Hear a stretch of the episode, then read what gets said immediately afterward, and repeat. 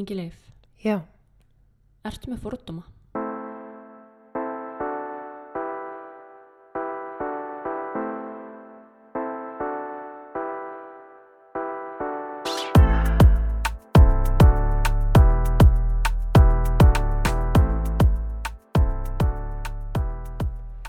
já, velkomin í raunveruleikan. Æ, ég er svolítið þreytt. Það er bara að byrja þáttina á að gispa. Já, veistu, það er bara staðan, en við tæklum þetta samt. Við vorum semst að koma úr sjö tíma keirslu að vestan Mm uh, með strákin okkar vakandi allan tíman. Já. Svolítil brekka fyrir okkur. Hversu oft sungu við uh, dvelji í draumuhöll senstu oft. sjö tíma? En uh, þetta tókst og við erum komnar heim. Látum Og- ekkert stoppa okkur. Nei, svo sannlega ekki. Og erum búin að vera að veltast um með umræðefni þessa þáttar núna síðustu vikuna og ætlum nú að reyna að taka upp þátt fyrir vestan jável en það gekk ekki alveg þannig að við erum komnar í bæinn. Við glimtum græjónum. Já, þess vegna gekk það ekki alveg.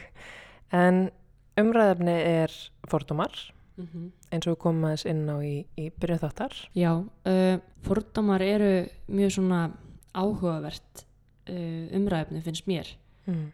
og ég hef lengi pælt í fordómum, bæði eigin fordómum og, og annara og hérna ég svona kannski til að byrja með held ég að, að það sé svona ágætt að, að muna það að fordómar eru í raun og veru bara út um allt og þeir eru neikvæðir en þeir geta líka verið jákvæðir af því að svona grunn hugmyndir okkar og afstæða til manna og málefna byggjast á fordómum og þeir þurfa ekkert endur alltaf að vera neikvæðir. En þetta er í grunninn þetta að alhæfa um einkenni einhverja sem tilhera einhverjum hópi eða flokki. Og um, við sem manneskjur erum alltaf að flokka. Þegar við göngum niður götu þá erum við ómeðvitað í heilanum okkar þú veist að ég elska heilan að flokka öll svona áreiti sem við sjáum hvort sem það eru hlutir sem við sjáum í búðaglöggum eða einstaklingar sem við mætum eða auglýsingar eða hvað sem er. Þetta er alltaf, þetta skellur allt á okkur. Og svo er heilin á fullu að reyna ákveða ok, hvað af þessu eru mikilvægar upplýsingar og hvað af þessu eru upplýsingar sem ég get bara lift svolítið að þjóta hjá þess vegna er það oft þannig að, að maður man heitandir allt sem að maður sér. En uh, þegar að maður er einhvern veginn með svona margar upplýsingar þá einfaldar heilin þetta svolítið með því að búa til svona flokka. Mm. og við tölum oft um, um staðalmyndir og við höfum talað um það í þessum þáttum hvernig þær geta haft áhrif á, á það hvernig við hugsum. Og staðalmyndir eru svona þessar típisku hugmyndir okkar um einhverja hluti og svo erum við með viðhorf. Það er svona eitthvað svona hvernig við hugsum um þessu hluti. Hvort að ég hef jákvætt viðhorf í garð til dæmis samkynneigðra eða neikvæðar. Og svo erum við með fordóma. Og hérna, ég ætla ekki að verða ofræðileg en mér finnst þetta bara svo ótrúlega áhugavert að ég held að flestir sko, hérna, hugsi, sko, er ég með fordóma? Að þá vilja flesti segja bara nei, ég, ég er mjög fordómalaus manneskja. Af því að það er einhvers konar svona saman sem merkja á milli þess að vera góð manneskja og fordómafull manneskja og það kemur svolítið inn á umræðefni síðasta þáttar, ekki satt Jú, það er semst sama sem merki á milli þess að vera góð manneskja og fordóma laus manneskja. Ég ekki fordómalaus? Fordóma full. Ó, já, ég myndi fordómalaus og hérna, en máli er að þetta eru sjálfvirkar hugsanir og jafnvel ómeðvitaðar og stóra spurningin er hvernig tæklu við síðan fordóman okkar Mm. og sérstaklega neikvæða fordóma. Eh, horfumst við í augu við þá? Eh, erum við meðvituð um þá? Viljum við eh, fræðast og tækla þá? Eða ákveðum við að lifa með þeim? Eða jafnvel bara magnaðu upp? Emmett. Uh, og þið getið kannski svona giskað hvað það var uh, sem að ítt okkur í þá átt að, að hérna, hugsa um þetta sem umræðefni uh, vegna þess að núna síðustu vikuna hefur umræðum fordóma þetta verið mjög mikil og hávær bara í heiminum almennt. Eftir að George Floyd var myrtur og umræðan um rasisma í bandaríkjunum og víðar hefur komið mjög mikið upp á yfirborðið. Og lauruglu ofbeldi. Emmi, þannig að uh, það í rauninni kveikjan að þessu umræðefni hjá okkur. Mm og þú veist, við erum búin að pæla mikið í þessu og velta þessu svolítið fyrir okkur uh, hvaðan stafar þetta? Því að í þessu tilveiki uh, þar sem að maður er að horfa á blákalt híðan frá Íslandi þar sem er í gangi út í bandaríkjunum þá hugsa maður bara hvernig í veröldinni er þetta eiga sér stað? Hvernig er hægt að gera upp á milli fólks eftir hvernig það er á litin og hvernig er í alvörinu hægt að drepa fólk og beita það ofbeldi fyrir það eitt hvernig það lítur út? -hmm.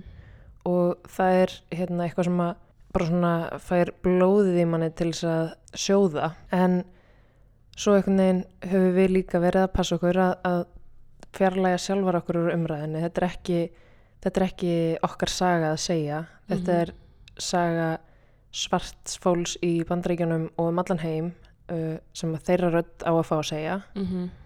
Þannig að það er ekki, í rauninni, við ætlum ekki að fara að vera hérna hvítu mannskjurnar sem ætla að tala um, um hvernig þetta allt saman snertir okkur og aðra.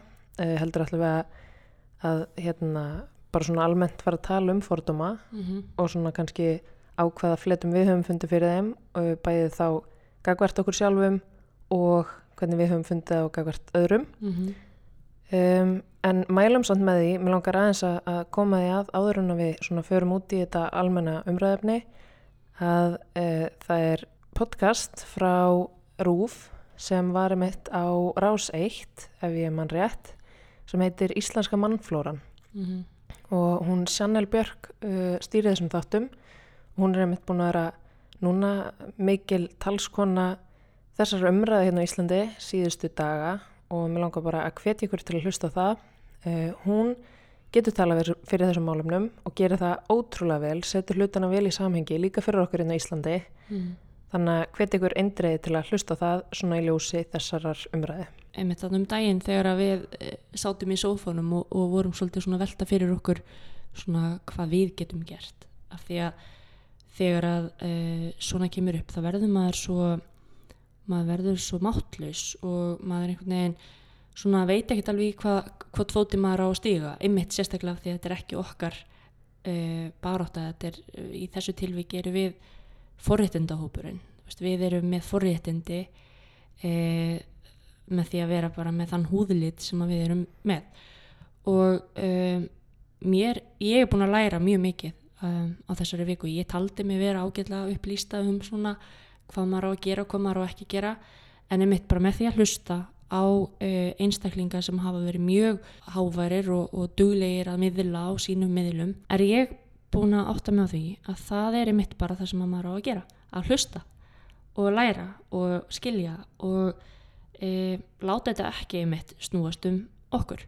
Þannig að þú veist, fyrst vorum við pínu áttavildar og svo föttuðum við bara já, við getum hlustað og við getum síðan reynd að miðla áfram þessum röddum mm. röddunum sem að eiga að heyrast.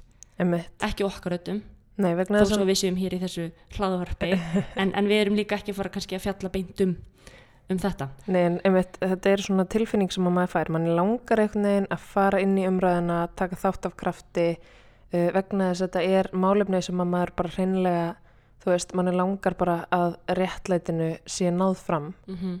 uh, og maður getur auðvitað síntan stuðning á ymsan hátt en maður getur samt ekki farið inn sem forréttindamanneskjan og ætlað að taka yfir umræðina. Það er bara það sem að, já, þar, þar liggur línan svolítið í þessu en uh, hvetjum ykkur til þess að kynna ykkur þessa bara áttu hlusta á þessar rattir sem að eru raunverulega að segja þessa sögu Mhm. og fordæma þetta auðvitað öllu leiti þetta er, þetta er auðvitað bara svo langt frá því að vera í lægi uh, og ég persónulega skil ekki þá hugssjón eða þann skort á hugssjón að átta sig ekki bara á því að við erum öll manneskjur Mhm. í þessum heimi. En það er svolítið áhugavert samt að pæla í því hvaðan þessi tilfinning kemur að finnast þú þurfa að flokka þig sem æðri en einhver eða betri. Og þetta er svona stigveldis hugsun. Um, og það eru alls konar kenningar með til um þetta, þú veist, hvers vegna okkur líður vel þegar okkar liði gengur vel svona bara úr íþróttunum, þú veist, það er gaman að vera betri en hinnir um, og þetta býr, þetta, þetta tengist sjálfsmyndinni. Þetta tengist bara því að vera dýrategund líka. En þetta er samt sko þetta er svo rótgróið í okkur og ég hef oft sagt sko fordómar byggjast á fáfræði, fordómar eru upprættir með því að fræðast og með því að kynna sér e, aðra fleti og vera opinn fyrir því. Og það talað um að svona hinn fordómalausi eða svona hleypidómalausi maður er frjálslindur, hann er opinn og svo framvegis. En sko samt er það þannig, yngileif, að það eru alls konar rannsóknir sem sína fram á það að uh, það gengur oft illa að draga úr fordómum með fræðslu. Og það er það sem er svolítið svona sjokkirandi að, að maður einhvern veginn hugsa já ok, hér eru við þorf sem eru ekki kannski góð í garð einhvers hóps þá þurfum við bara að vera duglega að tala um hlutina, vera mm -hmm. sínilega og fræða en það sem það verðist gera er að það dregur úr fordómum hjá mörgum mm. vissulega sem betur fyrr og ég hef alveg fundið þá eigin skinni að svona hlutir sem ég hef kannski ekki alveg skilið nú og vel og svo framvegs ég skilið þá betur ef ég lusta og, og reynir svona að læra af því en hjá öðrum sérstaklega þeim sem eru fyrir mjög fordómafullir í garð einhvers e, þá getur verið að svona aukinn fræðsla verði til þess að viðhalda þessum fordómum eða jafnvel auka þá Ok, áhugavert. Og ef maður hugsa þetta bara, þú veist, hvað ætla að sé að gerast í bandaríkjunum núna til dæmis, hjá þeim einstaklingu sem voru fyrir bara rosalega fordómafullir. Mm. Ætla þeir séu núna að staldra við og hugsa, ah, herðu, ég er bara búin að hafa rámt fyrir mér allan þennan tíma. Ummitt. Hvað heldur þú? Nei, það er ummitt ekki staðan, maður sér það bara á umræðinu. Ég meina, gjáinn, hún heldur bara áfram að aukast. Ummitt. Uh, og ég hef haft miklar áhyggjur af þessari gjá nú þegar og ég veit að þú hefur oft þurft að hlusta mig rauðsa um það í sófarum hvað hva ég hefur miklar áhyggjur af því að við erum alltaf færast fjær og fjær hvort öðru ég óttast að raunverulega að við séum hægt að skilja hvort annað. Einmitt, Þetta er orðin svo mikil polarisering bara almennt í heiminum ekki bara þarna heldur bara í öllum skoðunum og bara ymsu í, hérna maður sér þetta bara út um allt. Og Uh, við vorum með þetta að hlusta á svo hérna, áhugavert viðtal við Yngibjörgu Solrunu Gísladóttir mm -hmm. þar sem hún var að mynda að tala um að af því að polariseringen er orðin svo mikil þá er þetta ekki lengur rökraðir, tveggja hópa sem að eru ósamála heldur er þetta bara orðið í rauninni hatur á millið þessar hópa og þetta er bara einmitt orðinir óvinnir sem að geta ekki rökraðt málinn og þetta er svo mikið hérna, bara við og þið mm -hmm. og, og einmitt ég ljósi þess að það eru þannig einstaklingar sem að í raun og veru finna bara fyrir meiri fordómum eftir því sem við reynum að fræða þá þá er eitthvað að, þú veist, það er eitthvað bóið við það. En út frá því hvað getur maður samt gert til þess að uppræta þannig fordóma? Ef maður upprætir það ekki með því að fræða og tala um það, hvað getur maður þá raunverulega gert? Eru þeir bara komnið til að vera og getur maður bara bókstala ekkert gert í þeim? Ég, ég veit það ekki, ég er á þeim stað núna í bara ef ég á að vera alveg hérna, reynskilin að ég bara er svolítið mátt Mm. Veist, við erum búin að halda uppi fræðslu vettvangi núna í fjögur ár sem heitir hins eginleikin þar sem við erum eitt reynum að vera uh, þar með vettvang sem að á að vera einhvers konar emitt tilraun til þess að uh, tækla fordóma og auka aðgengja fræðslu með því að sína inn í líf hins egin fólks á Íslandi. Og um, ég hef alveg fundið fyrir því og við höfum alveg hérna, fengið alls konar skil upp á þess efnis að þessi vettvangur hafi hjálpað fólki að skilja betur átt að sjá því að þetta eru bara manneskjur sem að lifa alls konar lífi og eru jafn fjölbreyttar og aðrar og svo framvegis. Og það gefur mann alltaf rosalega gott í hjartað. En svo spyr ég mig, eru við þá kannski bara að ná til um þeirra sem eru meðtækilegir, þú veist, þyrtu við kannski að fara einhverjar aðra leiðir til þess að ná þá til einstaklingar sem eru þetta ekkert að horfa á hinsiðleikan mm. það, það er fullt af fólki sem að um, þeirra viðhorf í garð hinsiðin fólks eru ekki jákvæð hér á Ísland, Íslandi. E, þeir, þessar hópar eru vissulega til en ég átta mig ekki á því hvernig, hvernig er best að tekla það. Ég, ég ætla bara að viðkjöna það. En svo höfum við mitt rættið það svolítið líka að það er auðvelt að taka þátt í svona baráttu á meðan hún er í gangi á meðan samfélagið er einhvern veginn kræmandi af reyði í átt að einhverjum hópi eða, eða þú veist út af einhverju óréttlæti það er mjög auðvelt að segja bara vá hvað þetta er fáralegt í stið 100% þessar réttindabáratu sem er í gangi og ég skil ekki þetta misrétti. En það sem að raunverulega reynir á er alla hinadagana Mhm, einmitt. Og það er einhvern veginn það sem við hefum oft rætt með, þú veist, við getum tekið þátt í gleðugöngu og fagna fjölbreytileikanum, verið með, þú veist, regnbúa hérna fána í hendinni og bara mega stuð í gangi Mhm, en svo kannski erum við á kaffistofunni í vinnunni og ykkur segir að eitthvað er tómalegur eða mhm. eitthvað. eða bara einhver óvegandi brandarar sem að fjúka um daginn út og daginn inn Já, en ætlum við þá að standa upp og segja hei, þú veist, þetta er ekki alveg viðandi eða ætlum við að vera, þú veist, þögul og leifa því að viðgangast að því að þarna raunverulega reynir á. einmitt þú veist það er mjög auðvelt að taka þátt í svona baráttu einn dag á ári þú Mhm. veist eða, eða fylgjast með einhverju svona umræðu eins og hefur verið núna og taka þátt. Og auðvitað er það eitthvað þú veist auðvitað er það alveg uh, ákveðin svona samstæða sem að myndast og, og ég held að það sé alveg að vinna góða. Mhm. það En- þokar baráttunum kannski eitthvað áfram. Já en við verðum líka með þetta svona reyna að hafa þetta hugfast alla hina dagana einmitt. og reyna að standa upp fyrir þessu misrétti. Ef við heyrum líka bara eitthvað rasískan þú veist, brandara eða eitthvað rasísk viðhorf í kringum okkur eða emitt, homofóbísk eða hvað það er, þú veist, þegar það er verið að tala niður til minnuhlutahópa þá höfum við alltaf tækifæri til þess að standa upp og segja ah, þú veist, þetta er ekki alveg svona. Mhm, og þú veist, það er ekkit mál að gera það þó svo að manni finnist það oft vera, þú veist, erfitt skref. Einmitt, af því að það er líklegt að þú fær, fáir tilbaka bara æ, ekki vera svona leiðileg og, og come on, hvað, ég var nú bara grínast og æ, þú veist, þetta var nú bara eitthvað, þú veist, þú þarft nú ekki alveg að, að missa þig við þessu og eitthvað svona. Ég er ekki fordóma fullmanneskja, þú veist, allt þetta. En einmitt, við höfum líka verið svona að, að velta upp okkar á milli, þú veist, allar þessar uh, samfélagsmiðla byltingar sem að hafa átt sér stað seinustu misserinn og árein uh, bara eins og fríðin yppul, me too uh, þöggun og fleira margt í kringum ofbeldismál og mar margt í kringum feminisma. En líka núna, þú veist, með Black Lives uh, Matter ég er svo léli í ennsku þegar verið að afsaka það Black Og- Lives Matter. Matter, Black Lives Matter. Já. Matter. Takk.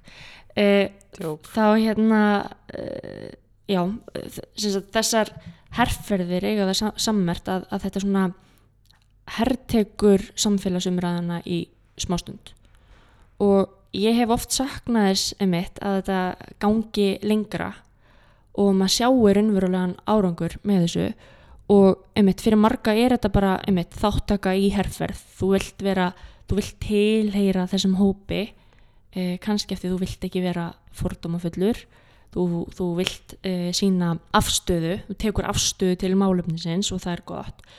En við þurfum líka að muna það að eh, fyrir marga er þetta mitt bara þáttaka en fyrir aðra er þetta bara þeirra daglega líf. Mm. þeirra daglegu mótbárur í samfélaginu. Daglegur ótti og mismunun.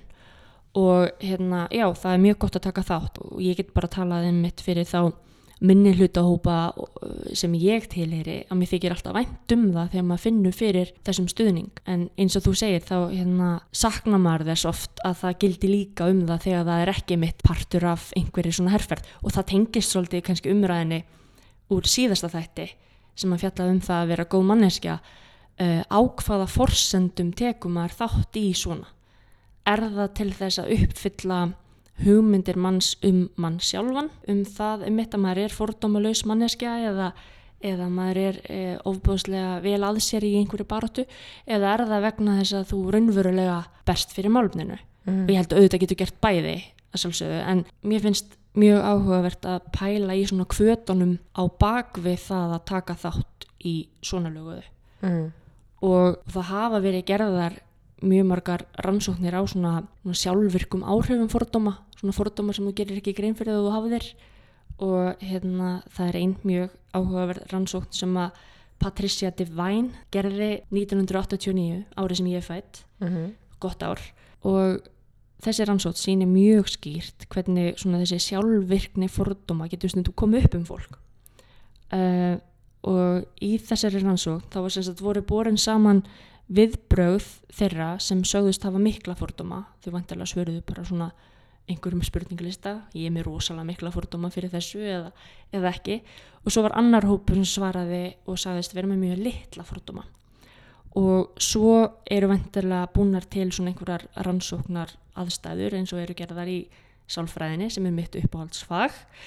Eh, og þáttakendur í þessari rannsók, báðir hópar, fordóma fullu og fordóma lausu, eru settar í aðstæður sem að kröfðist þess að þau væru með mjög svona skjót viðbrögð.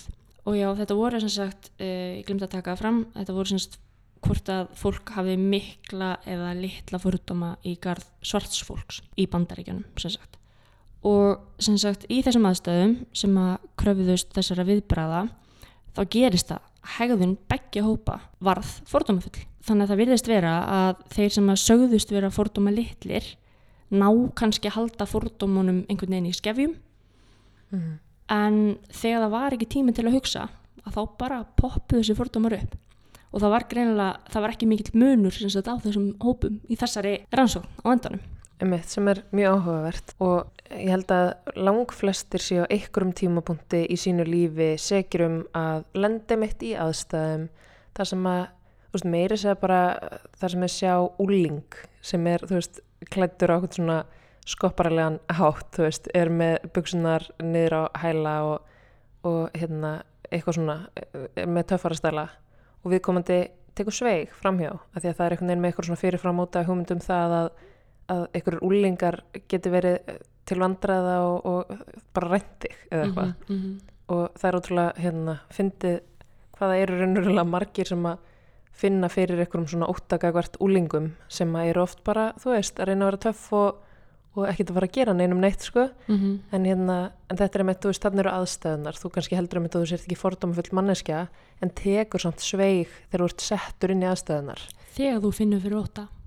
emmitt, að því þetta snýst emmitt bara um ótta, þú veist, að því að við óttum stað sem við þekkjum ekki. Mm og uh, það er til dæmis áhældi líka bara við hérna á Íslandi vegna þess að nú eru mjög margir tilbúinur að taka þátt í þessari umræðu sem er í gangi um bandaríkinn og það er bara frábært, þú veist að við séum að taka afstöðu þar.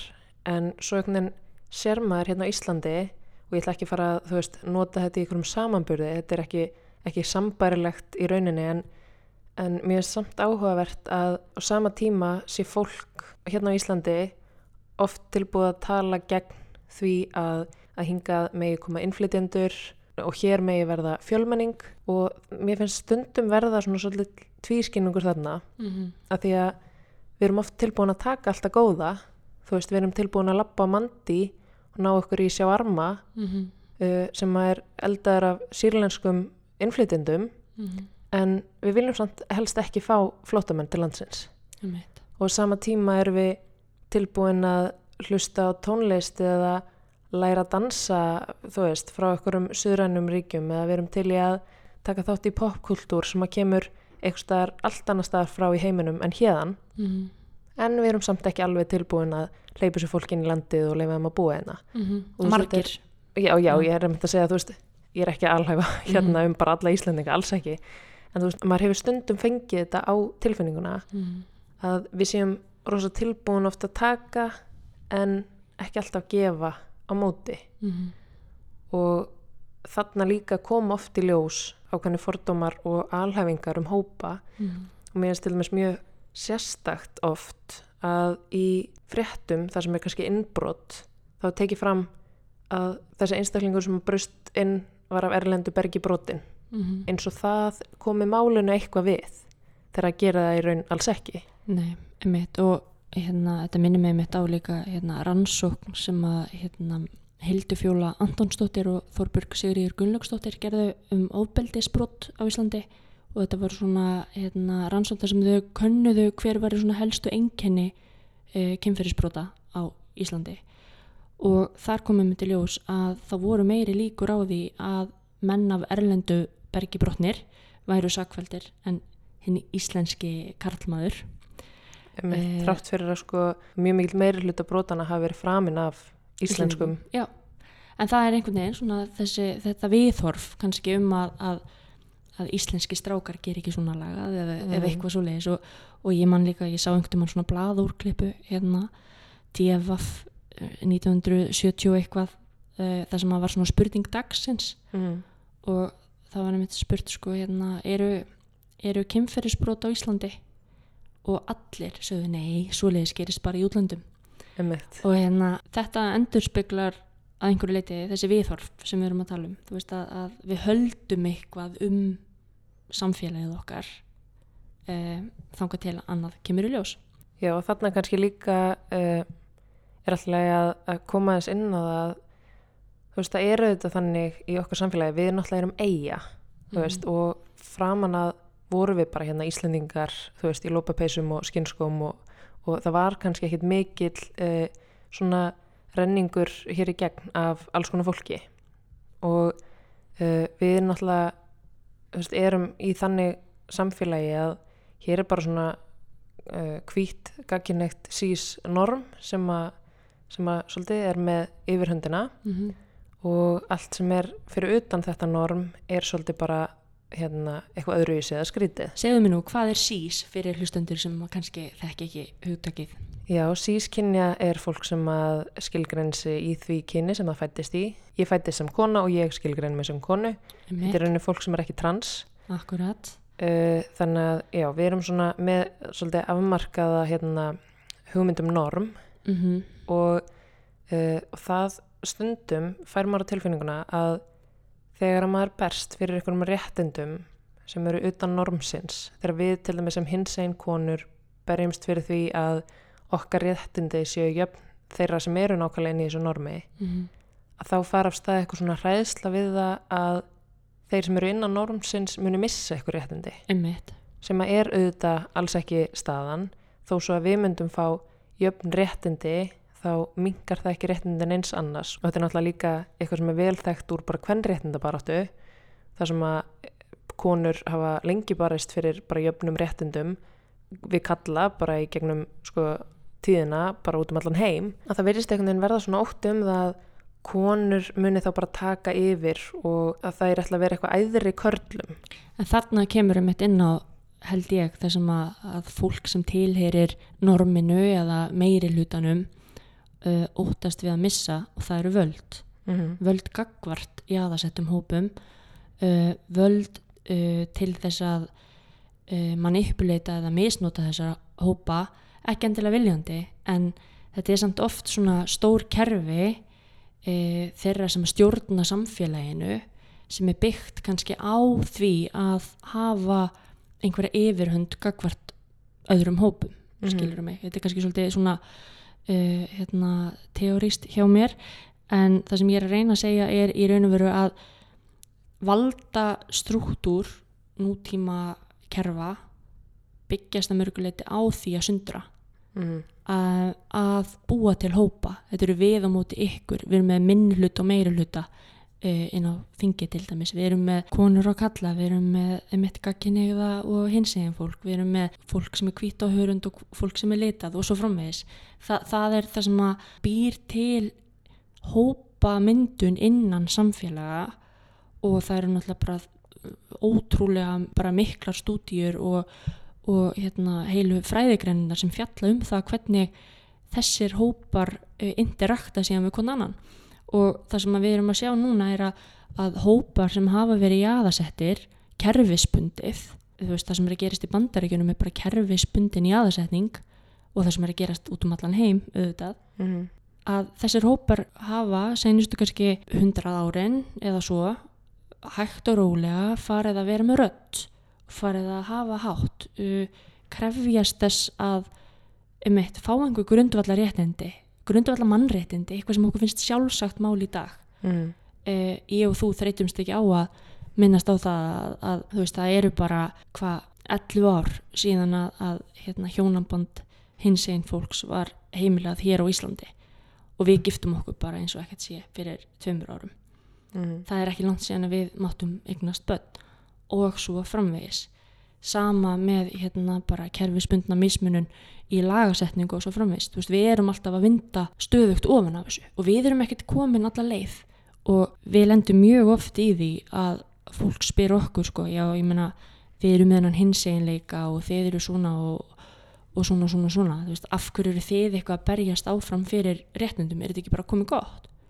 Eru þið ekki bara með öll réttindi sem hægt er að hafa á Íslandi? Hvernig lendir þið í einhverju mismunum og við fáum þetta alveg frekar oft Mm. og maður svona einhvern veginn já, fattar þá að fyrir einstaklingin sem stendur ekki frammi fyrir mismununinni þá auðvitað heldur hann bara, ég meina félagslega réttindi hér eru góð. Maður lendur ekkert í miklum fordómum en fyrir kannski þann sem maður þarf ekki að hugsa út í það þá verðist þetta bara vera einhvers konar væll eða eitthvað. Mm Við stóðum með mitt svolítið frammi fyrir þessu e, síðasta sumar þegar ég var ólétt og við vorum komnar einhvern veginn út í það að þurfa að sækja um einhverja sérstaka pappýra e, til þess að þú geti verið skráð foreldri hans rökva og þú fær ekki að heita móðir í neinum skrám, þú ert bara foreldri mm -hmm. og við vorum svolítið einhvern veginn að svona pyrrast yfir því að við gætum ekki bara, þú veist, fengið automatíst að vera skráðar mæður hans rökva á meðan, þú veist, gagginætt fólk út í bæ varð það Mm þráttur að hafa gengið í gegnum nákvæmlega sömu meðferð við að búa til bann og við -hmm. uh, og það er að segja meiri saman gjafasæði og öllu Mhm. og við erum eitthvað búin að ræða þetta í fyrra og þetta svona uh, var búið að byggjast líka svolítið upp vegna þess að við höfum lent í því þegar við fórum til dæmis þú veist, upp á spítala í sónar að þá var bara að tala alltaf um mig og ekki þig og þú einhvern veginn spurði hvort þú væri bara systir eða hvernig við varum tengdar og alls konar svona skrítið sem við lentum í. Og við einhvern veginn stóðum fram fyrir því að hugsa bara ok, eigum við ekki bara að láta þetta slæta, eigum við að láta þetta pyrra okkur, eigum við að rugga bátnum. Eigum við að rugga bátnum með mitt Einmitt. og svo einhvern veginn hugsuðum við þetta lengra. Og það sem einhvern veginn satt svona eftir í okkur og gerða verkum að við á endanum ákveðum, jú, að rauka bátnum það var, þú veist, ef enginn er tilbúin að gera það, þá gerist þau þetta ekki neitt. Mhm. Ef að við gerum það ekki mun þá kannski enginn gera það. Ef allir hugsa þetta, þú veist, æ, það gerir þetta bara ykkur annar, Mhm. þá munum við staðna og það er auðvitað bara fyrir tilstilli fólks í gegnum tíðina sem að hefur einmitt ruggabátnum Mhm. barist fyrir réttindum já, verið tilbúið að vera með læti Mhm. og það er fyrir þeirra tilstilli sem við erum núlega höfum náður réttindum og það á við um, þú veist, alla stjættir þú veist, og, og stöður og, og litarhaft og hérna, kyn, kynvitund og hvað sem það er í samfélaginu Mhm. það er fyrir fólki sem er tilbúið að taka slægin sem að við náum árangri Einmitt, af því ég held líka að uh, eins og ég var að reyna að segja á hana sá sem að upplifir ekki mótlætið og finnur ekki á eigin skinni hvernig það er að vera jáðasettur um, bara svona litli hlutin eins og það sé bara ekki gert ráð fyrir þér í kerfinu mm. Uh, statt og stöðugt þá held ég þú veist, ég ætla að leifa mér að efast um það auðvitað kannski bara einhverju sem gera það en, en ég held að þeir vakna ekki á mótnana og hugsi, ah, herru, ég ætla nú bara að berjast fyrir því að breyta þessu að því ég held að þetta kvartli ekki að manneskinni af því hún Mhm. lendir ekki í þessum hún lendir ekki á þessum veggjum og hérna og jú, ég meina normið eða hvað sem við köllum það uh, mér er sleiðilegt að tala um normið af því að mér finnst einhvern veginn eins og normið sé ekki til eða þú veist, það, við erum öll alls konar og jú, normið er þessi meiri hluti sem að á að vera einhvern veginn en svo þegar maður einhvern veginn klýfur þetta niður þá er þetta aðeins flóknar af það. En allavega, köllum þetta normið. E, e, það er búið að ákveða já, þú veist, við hérna, megum vera með í þessu samfélagi. Hvort sem að við erum hinsegin af Erlendubergi brotin með fatlanir eða annað. E, en það er samt ennþá þeirra forsöndum þú veist, þau geta líka tekið aðra ákvörðun einn daginn Mm. að við séum ekki lengur velkomin eða að það sé í lagi að útiloka okkur aftur. Það þarf ekkit nema bara einn stjórnmálaflokk eða einn leiðtoga bara eins og Donald Trump sem að heimilar ákveðina orðræðu með sinni orðræðu. Hann hefur sett tónin með því að tala á fordumafullan hátt í garð annara minnilutahópa þá hefur hann heimilað þessa sundrung sem er eiga sér stað í bandaríkjanum. Það saman er að gerast í Ungverjalandi. E, Viktor Orban hefur heimilað þessa orðræðu þar og er sjálfur bara í dag, það vita það ekki margir, en núna út af COVID þá nýtti hann ferðina og tók þingið bara úr sambandi og stýrir núna með tilskipunum sem þýðir að hann hefur eiginlega bara öll völdin og hvað gerir hann? Jú, hann tekur í burtu réttindi trans og intersex fólks í landinu. Bara afmáir það úr lögum. Mm. af því hann getur það. Og við erum að sjá þetta gerast víða um Evrópu og það er alltaf þessi ótti um bara hvað ef. Og það er það sem við þurfum að lifa með. Já, það er mjög gott að búa í dag á Íslandi e, almennt held ég. Þú veist, þetta er, við erum í ágætlega opnu samfélagi þó að það séu undatekningar þar á. En það getur breyst og það er það er svo mikilvægt að spyrna við og finna fleti og leiðir til þess að tala meira saman um Mhm. þessa hluti til þess að reyna einhvern veginn að, að, viðhalda því að við eigum okkar réttindi og Mhm. missum þau ekki frá okkur Einmitt, og í þessu samengi held ég líka að það sé ótrúlega mikilvægt að við reynum svona öll í sameiningu að sko minka þetta rosalega bil á milli hópa og reyna svona að útrýma þessari polariseringu með ykkurum hætti. Þannig líka fólk verði ekki hrætt við það að hafa skoðanir og hrætt við það að taka afstöðu. Mm. að því að ég held að eins og staðan er núna uh, eins og samfélagið er núna uh, þá held ég að fólk sé oft bara smegt við það að stíga inn í aðstæður og hafa ykkur skoðun og tjáð á skoðun ofinbarlega vegna þess að þá færðu bara þennan hóp á móti þér sem að mun bara gjör sannlega rakkaði niður. Mm og þú veist ef að við getum einhvern veginn reynt að sko e, minka þetta bil og reynt að bera virðingu fyrir því að við erum öll með skoðanir og ef að við erum með vondarskoðanir sem eru hreinlega bara, þú veist, hættulegar hérna, okkur sem samfélagi að, reyna þá frekar að nálgast það með þeim hætti að fræða sínaskilning, þú veist, hugsa hvaðan kemur þetta, af hverju hefur þessi einstaklingur þessa skoðun? Rótvandans emitt, hver er rót þessa vanda? Mm og reyna að einhvern veginn uppræta það þannig að ég held að geta oft líka bara verið fráhrindandi fyrir fólk sem er kannski með skoðanir sem er ekki alveg þú veist á sömu línu og þeir sem að hafa innan gæðsalappa réttaskoðun að það getur bara verið sko ítt þeim í öfuga átt ef að, ef að viðbröðin eru þannig að þú ert bara ömuleg manneskja og viðbjöður og er það þá að þjóna tilganginum? Þú veist, ef að þú ítir manneski bara lengra og lengra í, í burtu, í átt af öfgunum mm í hináttina þú veist, hv- hvað ertu þá að gera? -hmm. og, og maður séru þetta þessa, þessa svona re reaksjón af alls konar aktivisma bara eins og ég man hérna, þegar við vorum í druslugöngunum sínum tíma vorum að tala af því að veist 90 og eitthvað prósent þóland á Íslandi e, með við þau gögn sem við höfum eru konur. Þannig að auðvitað beindist okkar orðræða að miklu leiti af konum. Og við sögðum auðvitað við vorum að, að meiri hlutunum til konur sem vorum í skipulagshópnum. Og einmitt það var ekki kannski okkar rödd að tala fyrir hönd karlkins þólenda en við sögðum alltaf já, þú veist, karlar verða líka fyrir ofbildi en eh, veist, við beðum svolítið eftir því að þeir tækju bara þá sína baróttu uh, og, og kæma annarkvort með okkur í hana eða gerðu það á eigin fórsöndum þetta er svolítið sama, veist, með reynsluheiminn. Þetta er bara ólíkir reynsluheimar þó svo að rót uh, brotsinn sé það sama. En það var oft sem að kom upp einhver svona andstaða við okkur og okkar baráttu að því að kalla verða líka fyrir ofbeldi. Þú veist, að, að hlutin eru teknið þangað. Já, maður sér þetta líka uh, í kringum sko præt að þá koma einhvern veginn svona andspyrnu hópar sem að fara að tala fyrir straight præt mm. og það komir einmitt svolítið óvart að við fengum alveg nokkur skilabóð frá ungu fólki semst, á hinseinleikan í fyrra í kringum præt sem að fór að spurja okkur hvers vegna straight præt ætti ekki rétt á sér.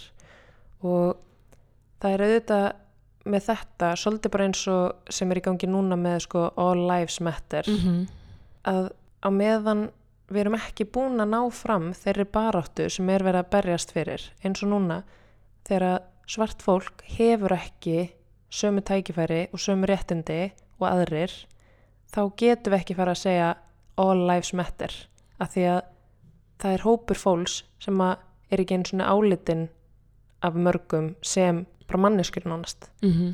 og það sama á við þarna þú veist, ef að þú líka bara verður ekki fyrir ofbeldi eða árásum eða fordómum út af þínum litarhætti eins og svart fólk lendir ítrekkað í Mm -hmm.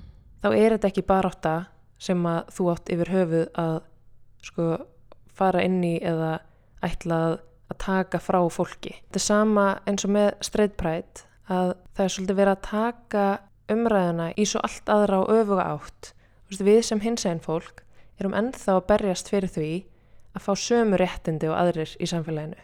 Hinsegin fólk lendir ennþá í því að verða fyrir árásum, verða fyrir ofbeldi og verða fyrir fordómum og það vegna sinnar kynneðar, kynvitundar, kyntjáningar og svo framvegis. og það er ennþá ólögulegt í mjög mörgum löndum að vera uh, hérna hinsegin Emmett.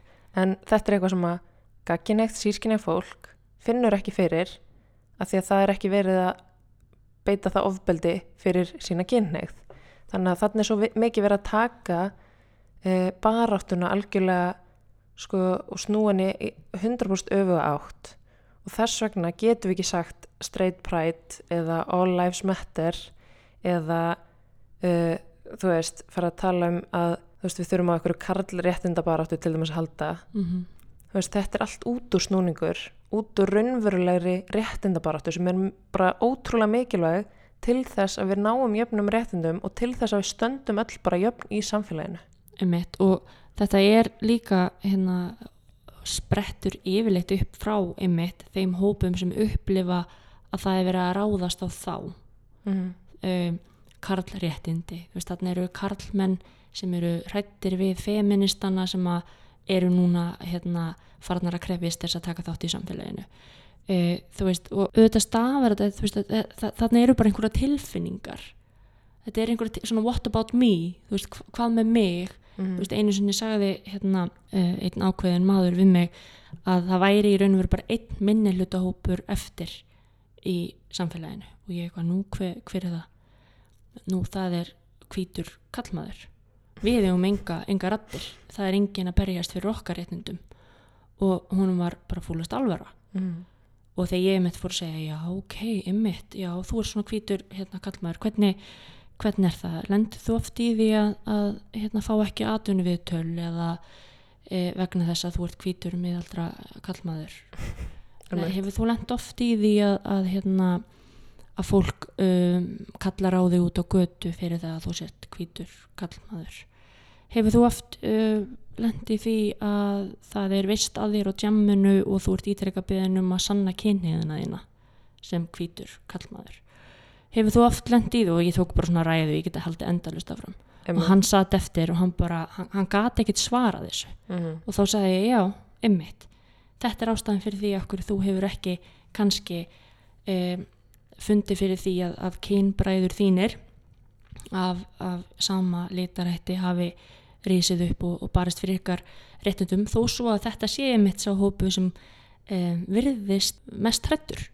Mhm. við mannréttindabarátur almennt og Einmitt. maður spyr sig hvers vegna ætla það sé Ömmit. Og það er veist, þetta, nákvæmlega þetta sem er mikilvægt líka bara að vera tilbúin að tala um við fólk að því að oft stafar þetta mitt bara af vannþekkingu eða, eða skorta á skilningi eða bara því að, að vita ekki nákvæmlega um hvað máli snýst. Og ég manni mitt að því ég fór að tala um það að við hefðum fengið skilabóðan hinsæðinleikan um straight pride að í langflestum tilvökum þá er það náttúrulega þannig að um leið og þetta er útskýrt fyrir fólki að þá er það tilbúið að skilja og þá sér það hlutina í samhengi. Bara já ok, einmitt, ég, ég hef ekki orðið fyrir ofbeldi eða þú veist lendi í áriti eða fordómum fyrir mitt uh, einmitt litraft kynneið eða hvað það er. Og þá er þetta ekki minn staður að fara á. Að segja bara já ég ætla hérna reyndar að halda mótmælagöngu og segja all lives matter uh, að því að bara mitt líf skipti máli.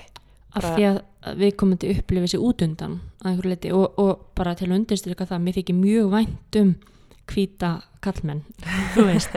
Eh, og, og sérstaklega þá sem að hafa lagt sér fram við að gera sér grein fyrir eigin forréttundum mm -hmm. sem eru, sem betur fyrir mjög, mjög, mjög margir í kringum mig, eiginlega mm, vel flestir eh, í minni bublu. Bú, bublu, búblu. Búblu. Já. en, við einmitt höfum öll forréttindi að ykkur leiti mm -hmm, uh, eða vel flest myndi ég áætla. Mm -hmm, uh, þrátt fyrir að við séum með tilherum einhverjum minnanlutahópum, við erum hins egin þá erum við samt með svo ótrúlega mikið af forréttundum Mhm. sem að maður líka oft uh, lendir í að uh, þvælist fyrir mann og ég held að þú veist þannig með þessi hérna, maður sem að þú talar um áðan hann var orðin forréttunda blindur Mhm. og þetta gerist líka hjá okkur já, já, og þú veist þetta gerist hjá öruglega lang flestum að maður verður bara forréttunda blindur Mhm. og maður fattar hreinlega ekki að maður þarf að gera ráð fyrir öllum. Svo mörgum breytum emmi, í samfélaginu og, og það er um mitt hérna, kem ég alltaf í fræðilega hlutan kallið mig bara Maríu fræði eitthvað. Nei, hérna, veist, það er talað um marg þetta mismunun Mhm. sem er á ennsku intersectionality. Og það er í rauninu verið það, þú veist að þetta samspil forréttinda í aðra hundina og svo mismununar hins vegar Mhm. hvernig þetta samspil getur flækst fyrir og þú veist manneskja getur auðvitað tilheyrt tveimur eða fleiri minnilutahópum og þeir geta síðan einhvern veginn skarast á Mhm. og hérna uh, þú veist maður getur verið af erlendum uppruna trans og býr við fátækt Mhm. uh, og þá erum við með þú veist marg þetta mismunun af því að manneskjan getur upplifað þá mismunun á fleiri en á einu sviði og mismikla og þegar við tölum um jafnbreytismál þá er ótrúlega mikilvægt að vera líka meðvitaður um, ég veit þetta eru fullt af hugtökum en vera meðvitaður um marg þetta mismunun og gera sér grein fyrir þessum fjölbreytta veruleika sem við búum öll við Mhm. í þessu samfélagi þú veist, það, það eru svo ótrúlega margar breytur sem hafa áhrif á það hvernig við sjáum heiminn hvernig við tólkum aðstæður og okkar reynsluheimur uh, er auðvitað skapaður af þeim aðstæðum sem að við fæðumst inn í Mhm. og, og hérna og okkar reynslu bara í Já. lífinu almennt það getur verið veist, stjætt það getur verið tækifæri til mentunar það getur verið einmitt bara uh, almennar hindranir sem verða á vegi okkar lífsreynslur, áföll, allt Mhm. um, saman verður þetta einhvers konar súpu í hausnum á okkur og við tæklum fordóman okkar svolítið út frá þessari reynslu líka um, höfum við lent í bara áfalli sem tengist einhverjum einstaklingum eða e, vondri reynslu veist, og þá getur það auðvitað haft líka áhrif Mhm. um, og svo er þetta líka bara uh, það sem við þekkjum úr okkar mengi er það sem að við teljum kannski vera uh, bara normið en svo er það bara oft þannig að þú veist, eins og bara maður hefur verið að hugsa mikið um aðgengismál núna síðustu misseri mm -hmm. vegna þess að það er eitthvað sem, að, sem er svo mikilvægt en er oft bara ekki tekið inn í myndina bara þegar það er verið að búa til viðburði eða gera eitthvað, hluti í samfélaginu emitt, halda bara, þú veist, ég veit ekki tónleika eða bjóða á einhverja viðburði eða hvað það er að það er ofta einhvern veginn ekki tekið inn í myndina það geti verið einstaklingar í hjólastól sem að myndi vilja koma á svo viðburði og þetta gera þetta verkum að ef þú gera aldrei ráð fyrir fólki að þá einangrast það út úr svona aðstæðum mm. sem er hræðilegt og ömulegt Já, þetta spila líka inn í e, það sem við þreytumst ekki á að segja er að jafnvel þú að þú sért ekki hluti af minni hluta hópi e, jafnvel þú að þú upplifir ekki mismunun að þá getur þú samt búið til pláss fyrir aðra mm -hmm. og, og það spila allir einstaklingar í samfélaginu það hlutverk að tryggja það að við gerum ráð fyrir fólki við gerum ráð fyrir fjölbreytileikanum og við leifum fólki að tilheyra samfélaginu okkar uh, og við hérna uh, bara búum til þetta pláss og það gerum við með því að fræðast með því að taka upp hanskan fyrir fólki þegar að þegar að, að við finnum fyrir því að það eru fordómafullar aðstæður eða, eða umræður að eiga sér stað. Mm -hmm. og með því að sjálf að hugsa aðeins út í það að við vitum aldrei hvað berst um innra með fólkinu sem er í kringum okkur. Það er allt og oft þannig að maður situr uh, á vinnustad eða annar staðar í einhverjum samræðum og það er farið bara full on í einhver brandara eða, eða einhverja brútal umræðu maður veit ekkert alveg hvað manneskjan við hliðinu á manni er að díla við sérstaklega ekki eins og við erum ofta að tala við úlinga Mhm. bara ungt fólk. Að þegar það er verið að tala um helvitis hérna fakka eða homma eða hvað sem það er hérna í mentaskólanum bara í einhver svona gríni að það veist ekkert hvað næsta manneski er að hugsa. Þú veist ekkert hvað hún er að díla við. Og við þekkjum þetta báðar hafandi verið svona tiltölulega seinar út úr skápnum að það voru þessi litlu komment hér og þar sem að mótuðu það að miklu leiti að maður, bara, maður þorði ekki að koma út úr skápnum. Einmitt, og þetta er mitt sko, ég hef heyrt þetta bara svona aðeins í gegnum uh, strákin okkar eldri og svona umræður sem maður hefur séð hjá úlingum í dag að því miður virðist oft og þetta er ekkit bara eitthvað í dag, þetta hefur auðvitað verið svona oft í gegnum tíðina og bara öruglega alltaf að það verður til eitthvað svona orðræða sem að kannski mitt krakkarnir skilja ekki eins og hvað þýðir mm -hmm. og allt í einu eru bara orðin svo nauðga bara orðin eitthvað svona orð sem að úlingar er að flega á milli sín eins og ekkert sé Mm -hmm. á þess að hafa hugmynd um kannski einmitt hvað þýðir og hvort það sé einhver í kringum þá sem að gæti einmitt bara hafa lendi ofbeldi og þetta er mjög tryggarandi Mhm. þú veist þannig að, hérna, að við verðum líka þú veist svolítið að passa okkur hvernig við tölum við sjálf uh, sem einstaklingar getum tekið þessa ákvörðun um að veist bregðast við einhverju á ákveðin hátt einmitt þegar við heyrum eitthvað í kringum okkur við getum ákveðið að búa til plássið Mhm. passa okkur hvernig við tölum og reynda að búa bara til pláss fyrir alla því að við erum öll bara manneskjur og það skiptir ekkit máli hvað við gerum eða hvernig við lítum út eða hvað við erum í raun veist, við erum bara öll manneskjur við erum langflest bara að gera okkar besta í þessum heimi Mhm. og auðvitað er það þannig að maður getur kannski dottið á bossan og gert eitthvað eða sagt eitthvað sem að þú veist, maður veit bara hreinlega ekki að getur verið fordómafullt eða getur verið forréttinda blinda eða hvað það er. En maður getur þá alltaf bara staðið aftur upp og beðist afsökunar á því ef að það snertir eitthvað Mhm. og það er aldrei of seint að átta sig á sínum forréttindum og hvar uh, hlutinir sem að maður segir eru að þú veist, hafa áhrif á fólk. Já, algjörlega. Og hérna dæmum fólk út frá gjörðum þeirra ekki út frá því hvernig þau eru. Eitthvað sem að fólk velur ekki eitthvað sem fólk bara er í grunninn. Mm -hmm. þú veist, það er svo ómálefnulegt að dæma fólk bara út frá einmitt bara kynþætti. Eða, eða kynneigð eða kynvitund eða öllu þessu. Þú veist, dæmum fólk út frá því hvernig það haga sér og, og hérna hvað það gerir. Hverju það skilar inn í samfélagið hvort sem það er gott eða vond af því það eru mælikvararnir sem við eigum að, að hafa hér að mínumati mm. eh, og þetta mitt sko að þú ert að tala um sko dæmum fólk ekki fyrirfram. Uh, ég hef alveg heyrt sjálf og ég held að fleiri að núti geti tengt við þetta að ég kynntist einu svona stelpu sem að sagði við mig vá, ég held einhvern veginn að þú væri svo mikið bits og ég var bara já, ok, áhugavert. Af hverju helstu það? Og þá einhvern veginn var þessi mannski bara búin að búa til eitthvað svona fyrirfram móta hugmynd um mig. Uh, og við gerum þetta oft þú veist, sem Ertu með manneskjur. svona resting bitch face? Ég, ég held ekki, held ég sé með svona resting sad dog face.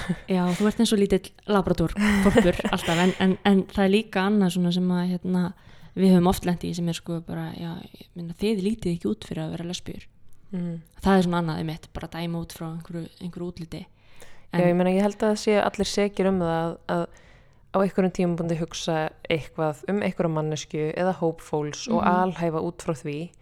Og þaðan í rauninni stafar þetta oft, þú veist, þessi fordómar og það eitt og sér er í rauninni fordómar, þú veist, að við erum að dæma fyrirfram, fordómar. Eh, einmitt, ef við tökum svona orðið uh, almennt. En það er, þú veist, bara partur af því hver við erum sem manneskjur að við viljum flokka fólk niður í hólf. Þannig að fordómar er ofta ekkit mjög vondir eða staf ekkit frá okkurum vondum grunni. Þeir eru bara í rauninni við að reyna að fungera og reyna að flokka fólk niður og hólfa fólk niður. Hluti af raunveruleikanum. Algjörlega.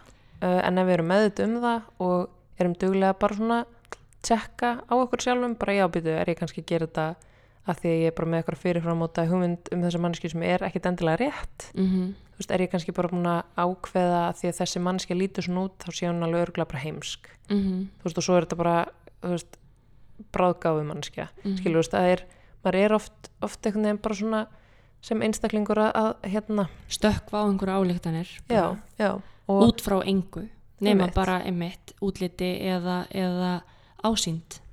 Algjörlega sem er þannig að- sami hluturinn Já, þannig að við erum bara duglega að vera meðut um það og svona reyna líka að fa- falla ekki þess að grefju, reyna að þú veist hugsa, ok, þú veist ég ætla ekki að dæma þessa mannsku fyrirfram. Mm ég, skýrasta dæmi sem ég mann svona úr minna æsku um þetta var þegar ég var að byrja í sjöndabekk mm. þá uh, var kennari að fara að kenna mér, ég var að fara í umsjónabekk hjá kennara sem að stelpa sem var eldri en ég var búin að segja við mig að væri ótrúlega strángur og vondur kennari. Og mamma sagði við mig að því ég fór til mömmu og ég var bara, oh, ég er að fara að vera í umsjónabekk hjá þessum kennara sem er bara ótrúlega ströng og leðileg Mm og mamma sagði við mig, Ingileif, hefur eitthvað mann hitt hana? Er hún eitthvað mann búin að kenna þér? Ég bara, nei, en þú veist, þau eru búin að segja mér, hún sé ótrúlega leðileg og mamma sagði mitt við mig þannig bara, Ingileif, aldrei dæma fólk fyrirfram þegar þú ert ekki eins og búin að hitta þegar þú þekkið það ekki. Og hefur ekki eigin reynslaði. -hmm. Og ég tók þetta til mín, fór emitt bara í tíma hjá þessari konu sem að reyndist síðan bara verða mjög góð vinkona mín. Já, já, og mér líkaði stórvel við hana og kom með skotti á milli lappana til mömmu og sagði ok, þú hafði rétt fyrir þér. Mamma veit best. Já, á maður ekki að dæma fólk fyrirfram þannig að, en þú veist, öll eru við segumunda ykkur starf lífsleginni, við þurfum bara að vera að hafa þetta í huga og reyna að gera okkur besta. Einmitt, ég held einmitt með þessum þætti langaði okkur svolítið að, að tala almennt um fordóma til þess að átt okkur á eigin fordómum gagvart því að vera með fordóma. Ég veit að við erum kannski búin að vera pínu svona eh, aggressífari og, og reyðar enn í, en í síðustu þáttum. Þetta er bara svo mikið hjartasmál og við verðum bara að fá aðeins að, að tala um þetta út frá einmitt, þessari umræðu sem er búin að vera í gangi núna Mm -hmm. að því ég hef svo mikla trú á fólki ég hef trú á því að fólk vilja læra, ég held að vanti oft bara tólin Mhm. og ef við getum hjálpa til með því að gefa smá tól til dæmis bara, veist, það er í lægi að spyrja spurninga en það er líka allt í lægi að prófa að googla hluti ekki alltaf stóla það að, að næsti hérna, einstaklingur sem til er í minn hlutahópa sem þú þekkir sé alltaf reyðubúin að taka hérna, sinn tíma í að, að stunda fræðslu sko. ég er endar er ekki kannski þannig innréttum, ég finnst alltaf brágett að fá spurningar og fræða en auðvitað stundum verður maður þreyttur á því Mhm. en, en það kannski meiri sér tilætluna sem ég. Það sem ég er að reyna að segja er að ég hef trú á því að fólk sé almennt í eðlisinu gott. Uh, ég hef trú á því að fólk geti lært. Ég hef oft séð fólk sem að var áður mjög fordómafullt takast á við fordóma sína uh, með því að hlusta, með því að reyna að skilja.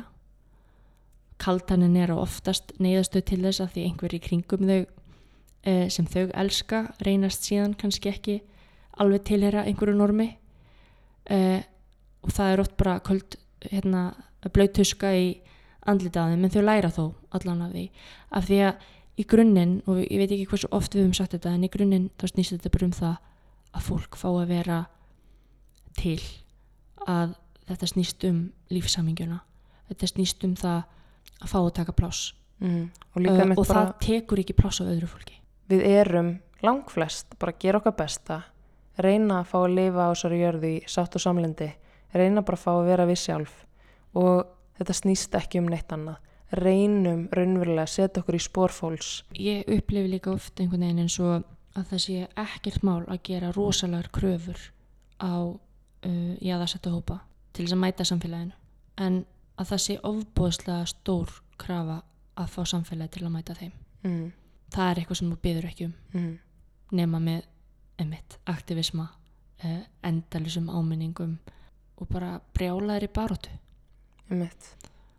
Og það er ótrúlega sorglegt að, að við sem samfélag getum ekki bara þú veist, átta okkur á því að við þurfum stundum að aðlagast fólki en það ekki alltaf bara að einhverjum stöðlegum kröfum sem að það getur kannski bara ekkert mætt mm.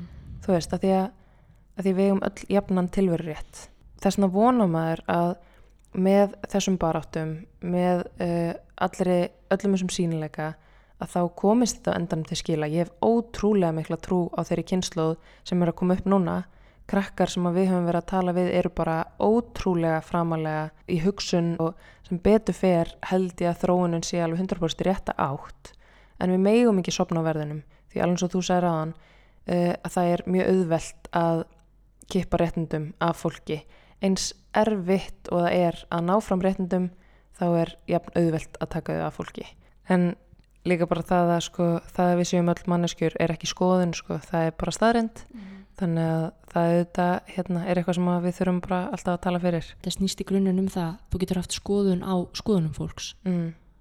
en að fara að grafa undan sko því hvað fólk er og hvort sem það er einmitt litarhaft eða einhvers konar atgerfi eða hérna eða kynneigð eða annað það er eitthvað sem ég bara er eh, þú mátt alveg hafa skoðunir á, á, á því þú veist eh, hvers, konar stjórnmál ég aðhyllist eða hvort mér finnist Liverpool besta fótballtaliði heimi eða ekki. Það er eitthvað sem maður má alveg debata. En ég vona einn daginn komist við á þann stað að það er ekki debat um það hvort að fólk megi elska þann sem hérna, það vil elska eða hvort, hvort fólk megi líti út eins og það lítur út mm. Veist, mér finnst það ekki vera eitthvað argument sem við getum beinlýnis átt. Þetta er tilveramanns og það er eitthvað sem að mér finnst að við þurfum að komast á þann stað að það er ekki eitthvað sem að er umræðefnið emitt, tölum um skoðanir, tölum um áhugamál, tölum um mismunandi lífsín og tökumst á, það er bara veist, partur af það er hérna, enginn að segja annað en, en bara reynum að taka DNA-ið okkar uh, og, og það hver við erum í grunninn út fyrir svega hvað það var þar við trúum því, bara statt og stöðugt uh, að með því að viðurkenna vannmátt okkar og með því að viður, viðurkenna vanþekkingu okkar að þá erum við opinn til að fræðast og þá kannski leysum við stóru spurningu þáttarins um það hvernig við getum þá náða fræða fólk sem vill ekki fræðast að, að fólk þarf að vera sjálft opið fyrir því. Mm og ég held að þeir sem að vilja horfast í augu við eigin fordóma þeir munu læra og þeir munu skilja og kannski komast á yfir uh, þessar fyrirframmótuðu hugmyndir á meðan að þeir sem bara hreinlega vilja það ekki munu ekki gera það. Þannig að kannski líkillin að reyna að fá fleiri í það lif ok, ég held að þú sért búin að svara þessari spurningu. Ágætlega, jú, já, ána með þetta svar. Já, og þess vegna langar okkur kannski bara að endan að þátt á því að hvetja ykkur til þess að horfa inn á við. Mm uh, og reyna að sjá það hjá ykkur hvar þið eru að mynda ykkur fyrirfram mótaðar skoðanir á fólki eða hópum eða aðstæðum.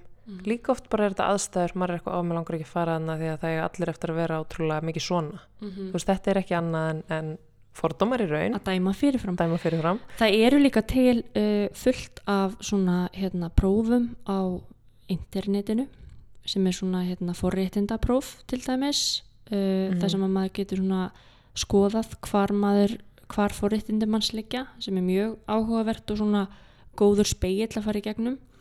Og það eru til alls konar svona einhvers konar hérna uh, svona hluti sem að maður getur svolítið skoðað með sjálfur sér. Og við, við getum kannski bara reynt að setja það inn, í, inn á okkar samfélagsmiðla uh, fyrir fólk til að spreita sig.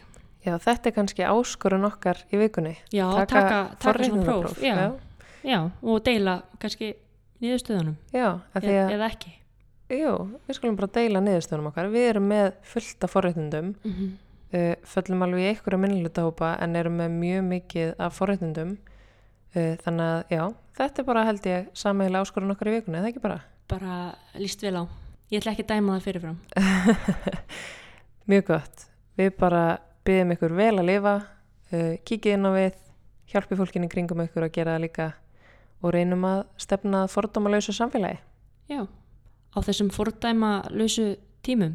Einmitt, en annars bara takk aftur kærlega fyrir að hlusta og við hlökkum til að koma aftur inn með nýtt efni að viku liðinni